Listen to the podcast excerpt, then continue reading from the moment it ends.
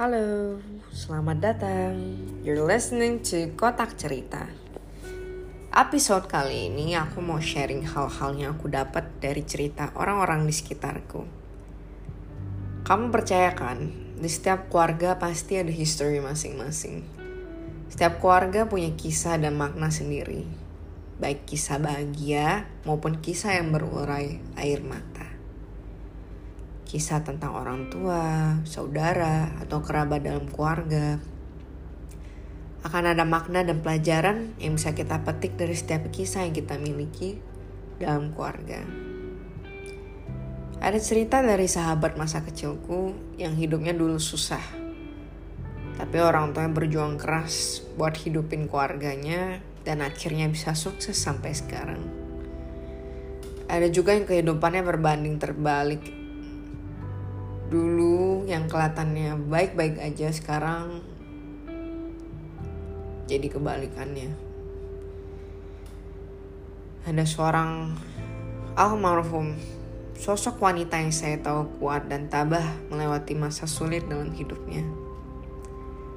She was struggling but she never lose on hope. Dia berusaha keras walaupun hidupnya jatuh dan bangun Hidupnya yang sebelumnya indah dan baik-baik saja. Yang sebelumnya bisa independen dan mandiri. Kemudian berubah 360 derajat saat menikah. Because of the wrong choices she made in her past. Beliau masuk ke dalam toxic relationship. But she didn't regret it dan beliau pun saya yakin pasti berusaha keras untuk menjalani hidup yang sudah dia pilih. Pahit dan manisnya ini sampai nafas terakhirnya. Ada yang bilang nasi sudah menjadi bubur. Gak bisa lagi dibalikin jadi nasi. Sama kayak kita gak bisa balikin waktu. Gak bisa kembali ke saat di mana kita masih bisa memilih Tapi ingat, bubur masih enak kok. Kalau kamu bubuin, kecapin, tambahin daging, telur, uh, maybe tambahin kerupuk. So, buat kamu yang ngerasa menyesali sebuah pilihan, I know it's hard, and you can't turn back time. But masih ada hal yang bisa kamu syukuri dari pilihan tersebut. And after all, it's your choice. So we have to be very careful on what we choose, what you do and what you say. Be wise dan sertakan hikmat dalam segala ucap dan laku di hidup kita. Karena ingat, kita nggak bisa lagi balikin waktu. So I remembered one of my friend asked this one question on her IG story. Apa sih hal yang kamu sesali dalam hidup?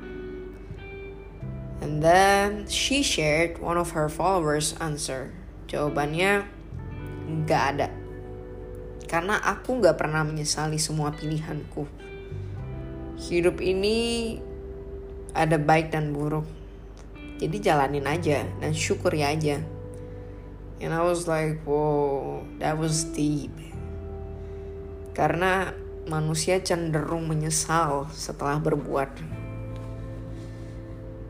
Tapi kalau kita bisa berpikir lagi before we make decisions in our life, including our family or our support system yang bisa kita percayai on every important decisions in our life. Aku percaya kita bakal memilih jauh lebih baik daripada hanya kita sendiri yang decide ask God for directions. Itu yang paling penting. Karena tanpa Tuhan kita nggak ada terang buat jalan di hidup ini. Kita buta dan cuma ngandalin intuisi kita sendiri sebagai manusia.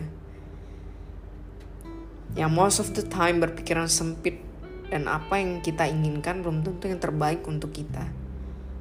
Karena Tuhan yang mengatur apa yang kita butuhkan bukan apa yang kita inginkan. Sekian cerita dari aku hari ini. I'm Stella. Thank you for listening and have an awesome day.